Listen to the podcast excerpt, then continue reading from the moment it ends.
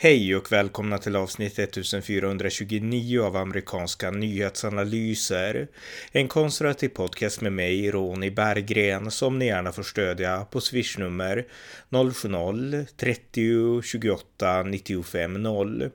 I USA pågår just nu en rättegång mot den unge mannen Kyle Rittenhouse som i augusti förra året deltog i ett medborgargarde i staden Kenosha i delstaten Wisconsin. Där blev han påhoppad av en pöbel och sköt dem med sitt R15-gevär. Två personer dog och en skadades. Rättegången handlar om huruvida Rittenhouse hade rätt till nödvärn eller om dödsskjutningarna ska betraktas som mord. Här följer ett samtal med Kalle Ur som följt rättegången om hur rätten har hanterat allt detta. Varmt välkomna! Ja, det rättegång som alltså nu äger rum mot eh, Kyle Rittenhouse i Wisconsin.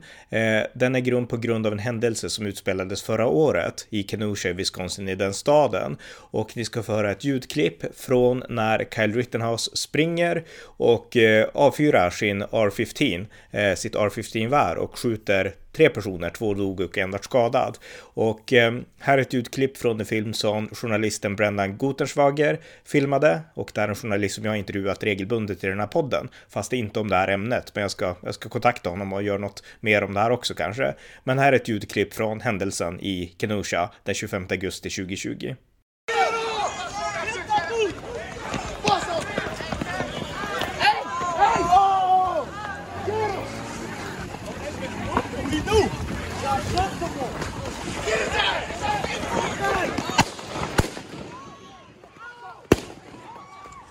Så där har ni ljudet. Man börjar egentligen se hela filmen, men det går inte i den här podden. Så här har ni ljudet på den här händelsen. Och eh, när jag såg den här filmen då så tyckte jag att det här är solklart självförsvar. Och Donald Trump, som då var president, republikanske presidenten, han eh, såg också det här filmklippet och han sa så här om den här händelsen på en av sina presskonferenser.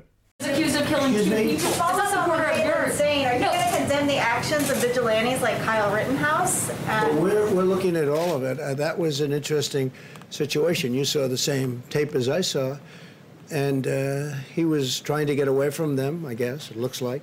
And he fell. And then they very violently attacked him. And it was something that we're looking at right now, and it's under investigation. But uh, I guess he was in very big trouble. He would have been. I, he probably would have been killed. But it's under. It's under investigation. Do you think private citizens should be taking guns? I'd like to see law enforcement take care of everything. Det var alltså Donald Trumps syn på det här och här följer mitt samtal med Kalle Ur, en svensk som har följt den här rättegången väldigt noggrant över internet och som kommer att berätta vad som har hänt under rättegången de senaste dagarna. Kalle Ur, välkommen! Tackar! Eh, du har ju följt den här rättegången mot Kyle Rittenhouse som hålls just nu i Wisconsin. Kan du berätta lite grann om vad som hänt de här rättegångsdagarna? Alltså vad rättegången har handlat om och eh, ja, hur, hur det har liksom förlöpt i, i domstolen? Ja, till att börja med så har vi suttit lite som lekman och tittat på det här. Jag intresserade mig för det här fallet redan för ett år sedan, då precis när det hände. Så eh, jag följde ju Black Lives Matter-protesterna och ja, all förstörelse som följde dem. Eh, alla poli, polisstationer och eh, städer, hela städer brann ju helt enkelt. Mm. Och eh, det som dök upp då, det var ju det här fallet då med Kyle som sköt den här, de här två, de här tre individerna, varav två dog då. Och nu för sju dagar sedan tror jag så började rättegången.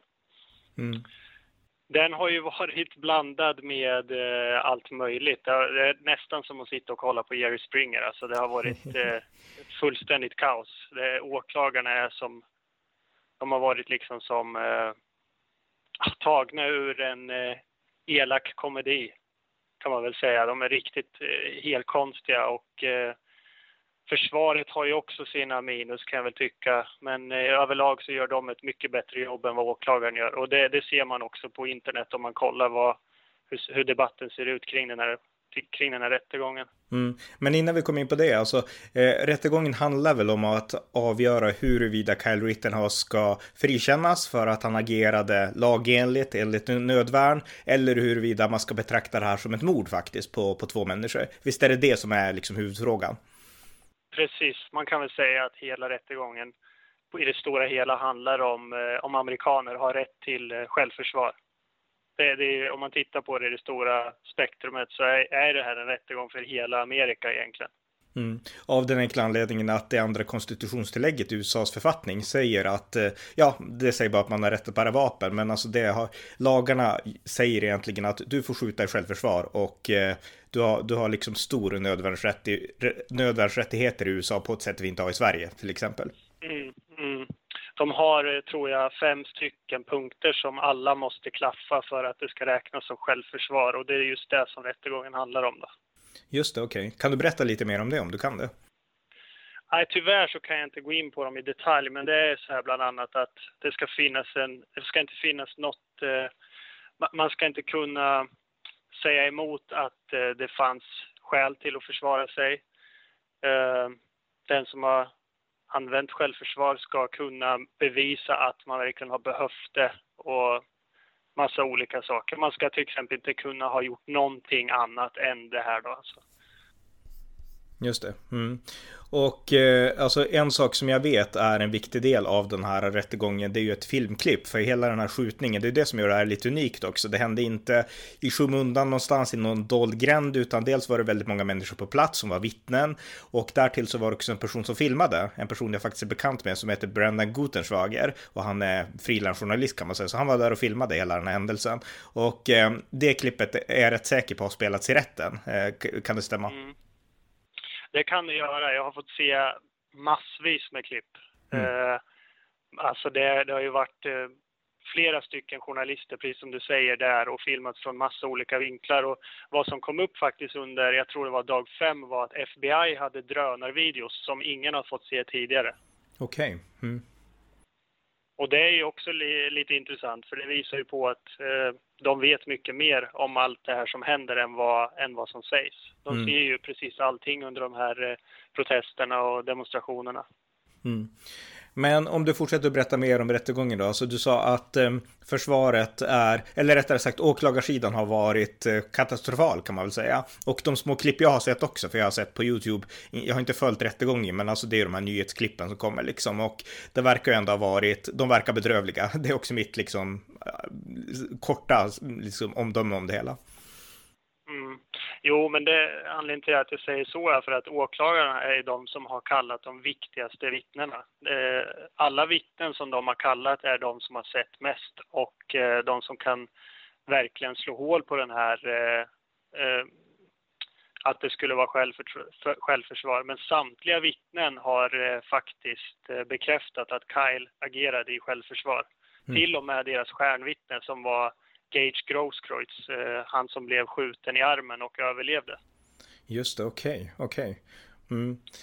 Under, under korsförhöret med försvaret då, så lyckades försvaret eh, få ur honom att, han, att, att Kyle inte sköt honom förrän han riktade sin egna pistol mot Kyles huvud.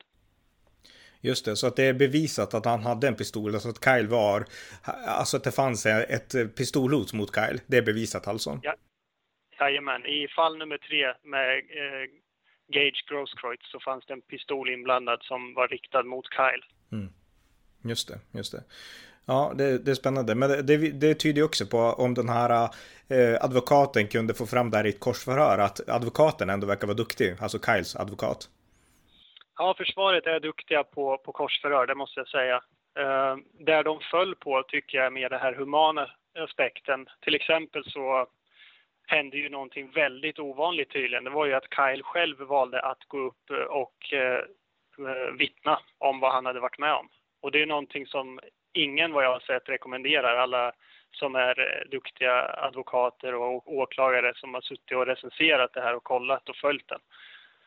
Om de säger att det här, ju, det här kommer gå åt helsike, för det lilla man kan vinna på att låta huvudvittnet, alltså eh, den som är dömd, mm. gå upp och sätta sig och vittna, man kan förlora så mycket mer på det. För han kan säga någonting fel och måla in sig i ett hörn. Ja, det, det, stämmer att det brukar vara så. Men, men, tyckte du utifrån din amatörbedömning att han sa bra saker eller att han gjorde bra, ett bra vittnesmål?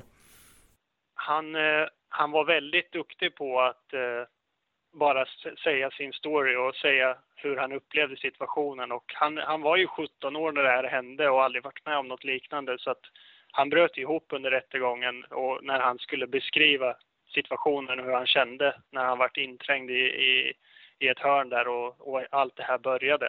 Mm.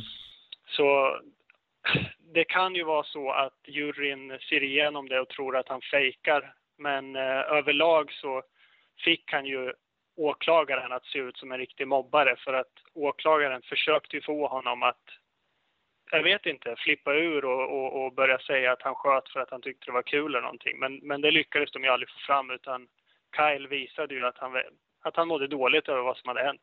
Mm. Eh, vi kan, eftersom jag inte har följt rättegången så ställer jag lite så spontana frågor och när vi chattade tidigare då skickade du en bild som du ville att jag skulle be dig kommentera och det är en bild när det är en person som sitter med ansiktet i händerna och så är det en annan person som sitter framför en dataskärm. Och jag vet inte vilka det här är men, men du kan berätta kanske. Och, och, ja. Det där är åklagare och eh, assisterande åklagare eh, som eh, gör den där reaktionen efter att deras huvudvittne, Gage Grosskreutz, eh, han som fick armen bortskjuten, Mm. eh, efter att han blir korsförhörd av eh, försvaret. Han, eh, det är ju efter att han då säger att han, att han inte blev skjuten förrän han själv försökte skjuta Kyle. Just det. ja, okej. eh, det var deras reaktion på att deras huvudvittne slog hål på hela det här att, att Kyle var, han var bara en, en elak gärningsman. Det, det försvann ju med det Ja. vittnesmålet. Ja, och det är intressant därför att jag menar, när det här, som sagt, jag har inte hängt med i rättegången, men hängde ju med väldigt mycket förra året och då var det, när jag såg videon, alltså bara direkt efter, så tyckte jag det här är solklart självförsvar.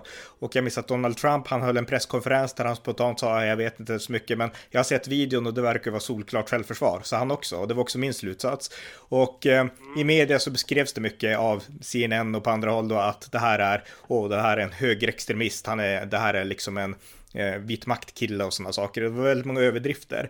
Har det tagits upp i rättegången på något sätt eller är det någonting som är helt, alltså det, det, det, det är inte ens värt att ta upp det för att det är inte trovärdigt?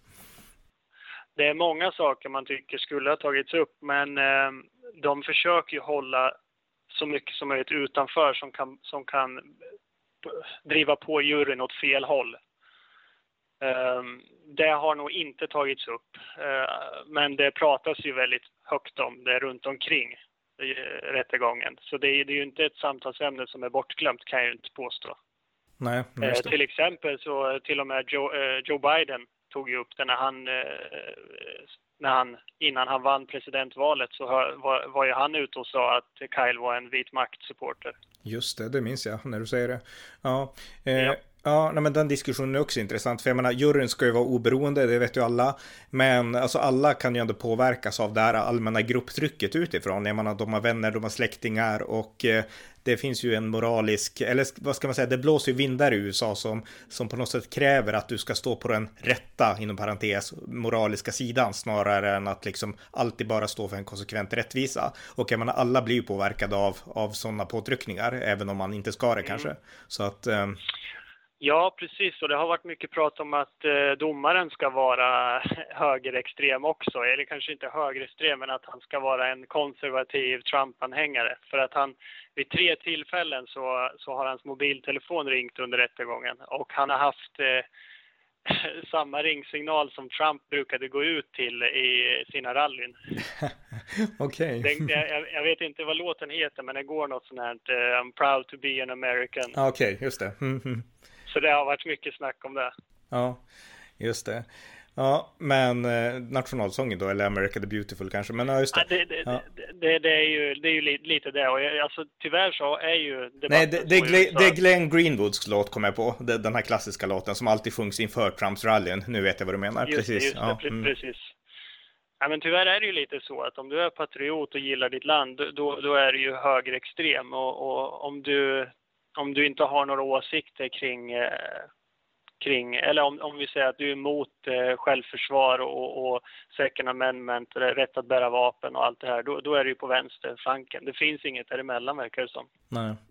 Eh, men alltså den här domaren då, alltså han, han beskrivs alltså i media som en högerextremist. Har de någon makt att på något sätt, alltså han, han, liksom, han kommer inte bli avsatt då på grund av de här sakerna. Det, det, liksom, det har inte gått så långt utan han får fortsätta. Han har, han har visat sig vara väldigt eh, tydlig och rättvis kan jag tycka. För han har haft flera chanser att slå igen det här målet. Och eh, Han har ju till exempel kastat ut en jurymedlem för att den eh, sa ett skämt som jag tror var till, eh, vad ska man säga, försvarets fördel. Mm. Det var någonting om det här Jacob Black, Black-killen eller vad han hette, som eh, också varit skjuten av polisen för något år sedan. Mm. Det var något osmakligt skämt om att oavsett, oavsett hur det, eller så här, skämtet var att eh, skillnaden mellan Kyle och eh, Jacob Black är att Kyle kommer att kunna gå när rättegången är slut. Just det. Det var jätteosmakligt och det, det visar ju på att domaren han eh, tycker att det är allvarligt och han, han började hela rättegången med att skälla ut media faktiskt, hur de har använt det här som en fotboll i den här eh, politiska matchen.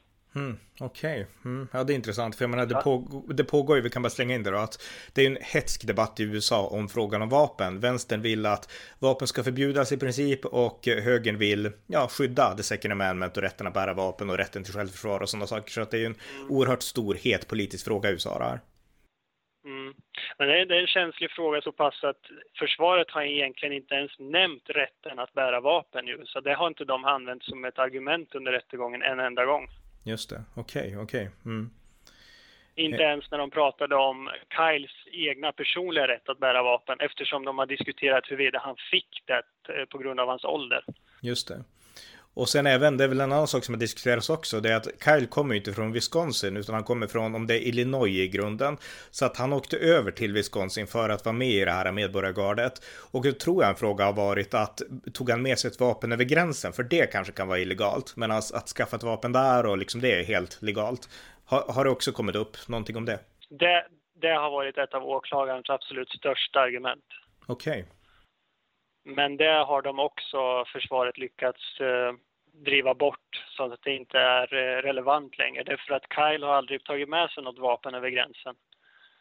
Eh, och de, har, de har till att börja med också placerat honom väldigt bra i Kenosha där det händer därför att han bor bara 15 minuter från stadsgränsen och har mycket familjemedlemmar i Kenosha. Han arbetar i Kenosha och han, och han, eh, han rör sig där väldigt mycket. Hans pappa bor i Kenosha till exempel. Okej, okay, just det. Så den här, den här bilden av att han skulle vara från två timmar bort i en annan delstat, det, det, det funkar ju inte. Nej, nej just det, okej. Okay. Ja, det är intressant. Ja, eh, ja har du något mer annat då att säga om den här rättegången? Jag vet inte vilka frågor jag ska ställa riktigt ens, men... Ja, mm. nej men det, det, har, det, har, varit väldigt mycket intressanta vittnen där, bland annat de här eh, eh, journalisterna som har varit och filmat allting som har hänt. Uh, till exempel var ju en, en, eh, en man vid namn Richie McGuinness som var där och uh, det var en extremt bra vittne, också han kallad av åklagaren och han, han beskrev ju verkligen tydligt vad som hände under första, eh, första incidenten när Kyle sköt eh, den här mannen som hette eh, Joseph Rosenbaum.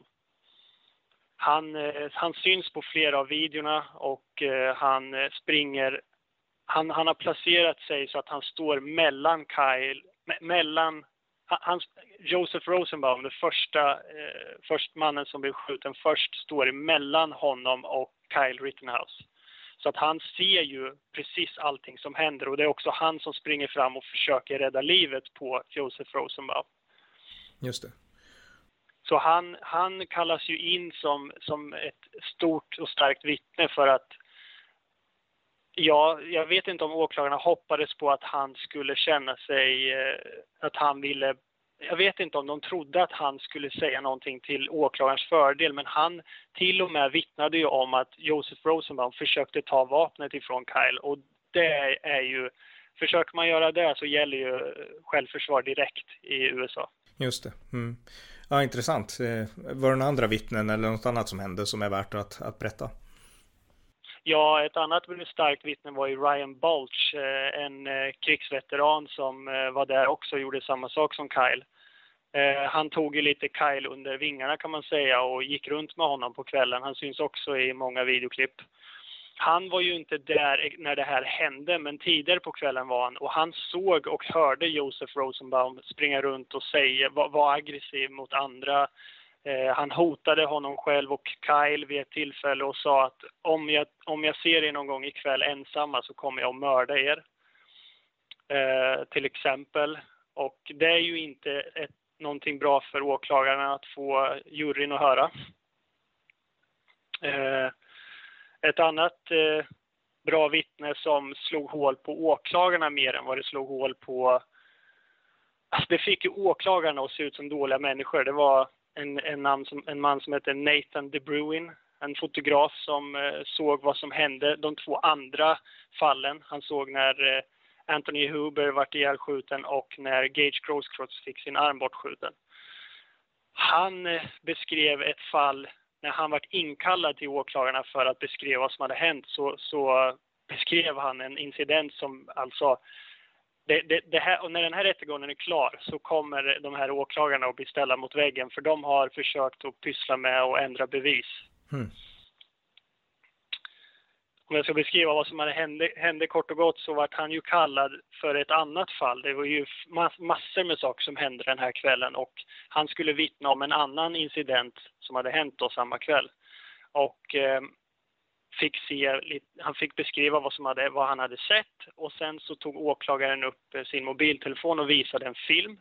Och på filmen så fanns det en, en person som hette eh, Joshua Seminski och åklagaren hade ett fall emot den här Joshua Seminski och ville då se ifall eh, Nathan DeBruin kunde identifiera honom. Det kunde han inte göra för han visste inte vem det var. Men åklagaren berättade då att han hette Joshua Seminski och lade ner telefonen, tog upp den igen och frågade vittnet om han nu kunde känna igen personen. Och eh, vittnet sa då, ja, Joshua Seminski som du sa. Då säger åklagaren, vill du lägga till det här i, eh, i ditt vittnesmål? Mm. Och det vill ju inte vittnet göra eftersom han inte visste vem det var tidigare. Nej. Och det här, det här lyckades försvaret att ta upp inför juryn. Och det är ju inte bra för, för åklagaren att se. Och eh, vad, vad, som var så roligt var att eh, åklagaren när de skulle då korsförhöra det här vittnet så började de bråka med vittnet om den här incidenten. Och det vart ju bara ännu värre för dem då. För juryn fick ju se att de, ja, de inte kunde bara ge sig. De försökte bråka med ett vittne. Mm. Ja, eh, intressant alltså. Men alltså om vi ska börja knyta säcken samman lite grann, om du inte har något så här stort viktigt du vill tillägga innan vi gör det. Så, eh, eller har du det? Nej, absolut inte. Nej, okej. Okay. Nej, för då tänkte jag så här, alltså, eh, min, min spontana reaktion när jag såg den här händelsen för ett år sedan, det var ju att det här är solklart självförsvar av Kyle Rittenhouse. Och mitt intryck av honom, jag såg ju de här videorna när han gick omkring på kvällen och han liksom, de skulle dela ut vattenflaskor till folk som var törstiga. Alltså de var alltså lugna, sansade, vettiga människor, förutom att de hade vapen, vilket man kan ha i USA då. Eh, men jag fick ett bra intryck av honom och situationen fick jag också liksom, han, han handlade korrekt, han försökte ta sig Alltså därifrån och förföljde honom och han föll han snubblade alltså och blev påhoppad och då sköt han i självförsvar. Och sen fortsatte han springa för att komma bort från pöbeln. Han såg polisen, han sträckte upp händerna och sa jag har något att berätta, jag har något att berätta. Men poliserna hade som inte tid utan de körde vidare. Men han, han gjorde allt rätt by the book enligt min liksom mening. Eh, är det den uppfattning du också har fått när du har följt den här rättegången? Ja, det är ungefär så. Jag tycker också att eh, det har framgått. Det är ju lite bara om första incidenten, varför det hela trippades igång, som, som eh, jag är lite kluven kring. Därför att det har kommit upp mer information under rättegången än vad man visste om tidigare. Och det är ju inte så konstigt eftersom vi inte har fått ta del av polisförhören och sånt förrän nu. Mm. Uh, och eh, nej, men överlag så, så håller jag med dig om att eh, Kyle har ju agerat precis som man ska göra, annat än att man kan ju argumentera för att han kanske inte ens skulle vara där och han skulle inte vara där med ett vapen heller. Men, och det är ju ett argument som åklagarna har försökt köra med, men ingen skulle ha varit där. Det var ju utegångsförbud efter klockan åtta. Mm. Eh, men alltså det här är också viktigt av en ren principsak då. Alltså eh, den här domen kommer ju få stora konsekvenser. Oavsett om han blir frikänd eller om han fälls för mord. Eh, men det kommer få stora konsekvenser för den här politiska debatten. Och eh, jag är av åsikten då, jag vill att han ska frias. Dels för att jag tror att han är, alltså att han agerade inom ramarna för vad, vad lagen och konstitutionen säger att man får göra. Men också för att rent principiellt, jag menar skulle han förlora, då skulle det vara ett totalt bakslag för liksom amerikaner i största allmänhet i hela landet att kunna dra vapen i självförsvar. Eh, så att jag tror att den här rättegången kommer få stora politiska konsekvenser. Vad tänker du om det? Ja, men precis. Det var därför jag inledde det hela så. Jag tycker att den här rättegången är, är hela USAs rättegång, inte bara för Kyles skull, utan för det amerikanska folket. Mm. Med tanke på att det är så stort och belyst av media så, så är det extremt viktigt hur den här rättegången går. Och jag tror också det är därför som, som domaren också inledde rättegången med att han är irriterad på att media eh, belyser det här felaktigt och, och gör det till en politisk fotboll. Mm. Han, för, för hans del, han vill ju att det här ska bara göras rätt och riktigt enligt lagen. Och då vill man ju inte att det ska dras åt olika håll politiskt. Nej, nej, precis. Eh, och om vi avrundar här, för det här var otroligt intressant och jag är jättetacksam att du, att du gav den här liksom briefingen om, om den här rättegången. Men svensk media, så här så har vi ju en eh, instinktiv inställning att amerikaner som förespråkar vapen är galningar. Det är ungefär så som en vanlig svensk tänker för att vi har blivit matade med det narrativet. Och det här med självförståvar begriper vi inte heller. Vi tror att de överdriver och sådana saker. Och har du följt alltså rapporteringen om det här i Sverige och vad, har du, vad är dina tankar om den i så fall? Ja, det är väl att eh, du har intresserat dig för det, annars har jag inte sett någonting. Nej, okej, okay. nej, okej, okay. nej, jag hänger inte med tillräckligt mycket i svensk media för att kunna notera vad som skrivs, men jag minns att förra året, då skrevs det om Kyle Rittenhouse i Sverige, det vet jag, och då tror jag att de, de hakade på Expressen, Aftonbladet och de här, alltså det här amerikanska vänsternarrativet, att det här är nog en, ja, ytterligare en ny nazist eller någonting. Jag tror att det var så då, men de har alltså inte skrivit något som du har sett om rättegången och att det här kanske kommer att gå vägen för Kyle Rittenhouse ändå. Nej, jag, jag, har inte sett någonting överhuvudtaget, så det är varken för eller emot. Nej. Uh, men, jag, men jag håller med om att det har ju varit en, de bara rapar efter varandra hela tiden och det är precis så det är i USA också. Uh, det har kommit ut många inlägg nu på Twitter om att uh, ja, många som sitter i sin vänstervridna bubbla har insett först nu att det faktiskt var vita människor som, som dog den kvällen de har alltså trott på det här narrativet att det är en vit maktrörelse som har gått runt och skjutit svarta. Just det, okej. Okay. ja, för alla I ett de... helt år har man trott det. Ja, ja, det är helt vansinnigt att de har trott det. För jag menar, alla kan se videon och det var, det var tre vita människor. Ja, förmodligen några var med i Antifa tror jag, men alltså det var ju de här som kom för att ställa till bråk i, där i Kenusha. Så att, eh, ja, just det. Ja, nej, men jag har inga fler frågor. Har du något mer du vill tillägga eller så? Annars kan vi avrunda så här, tänker jag. Nej, men vi kan avrunda. Mm, Okej, okay, men tack så mycket. Tack så jättemycket. Det var avsnitt 1429 av amerikanska nyhetsanalyser. En podcast som ger det konservativa perspektiv på USA som saknas i svensk media. Stöd gärna detta arbete på swishnummer 070-30 28 95 0 eller genom att via hemsidan stödja på Paypal, Patreon eller bankkonto. Det var allt för den här gången. Tack för att ni har lyssnat.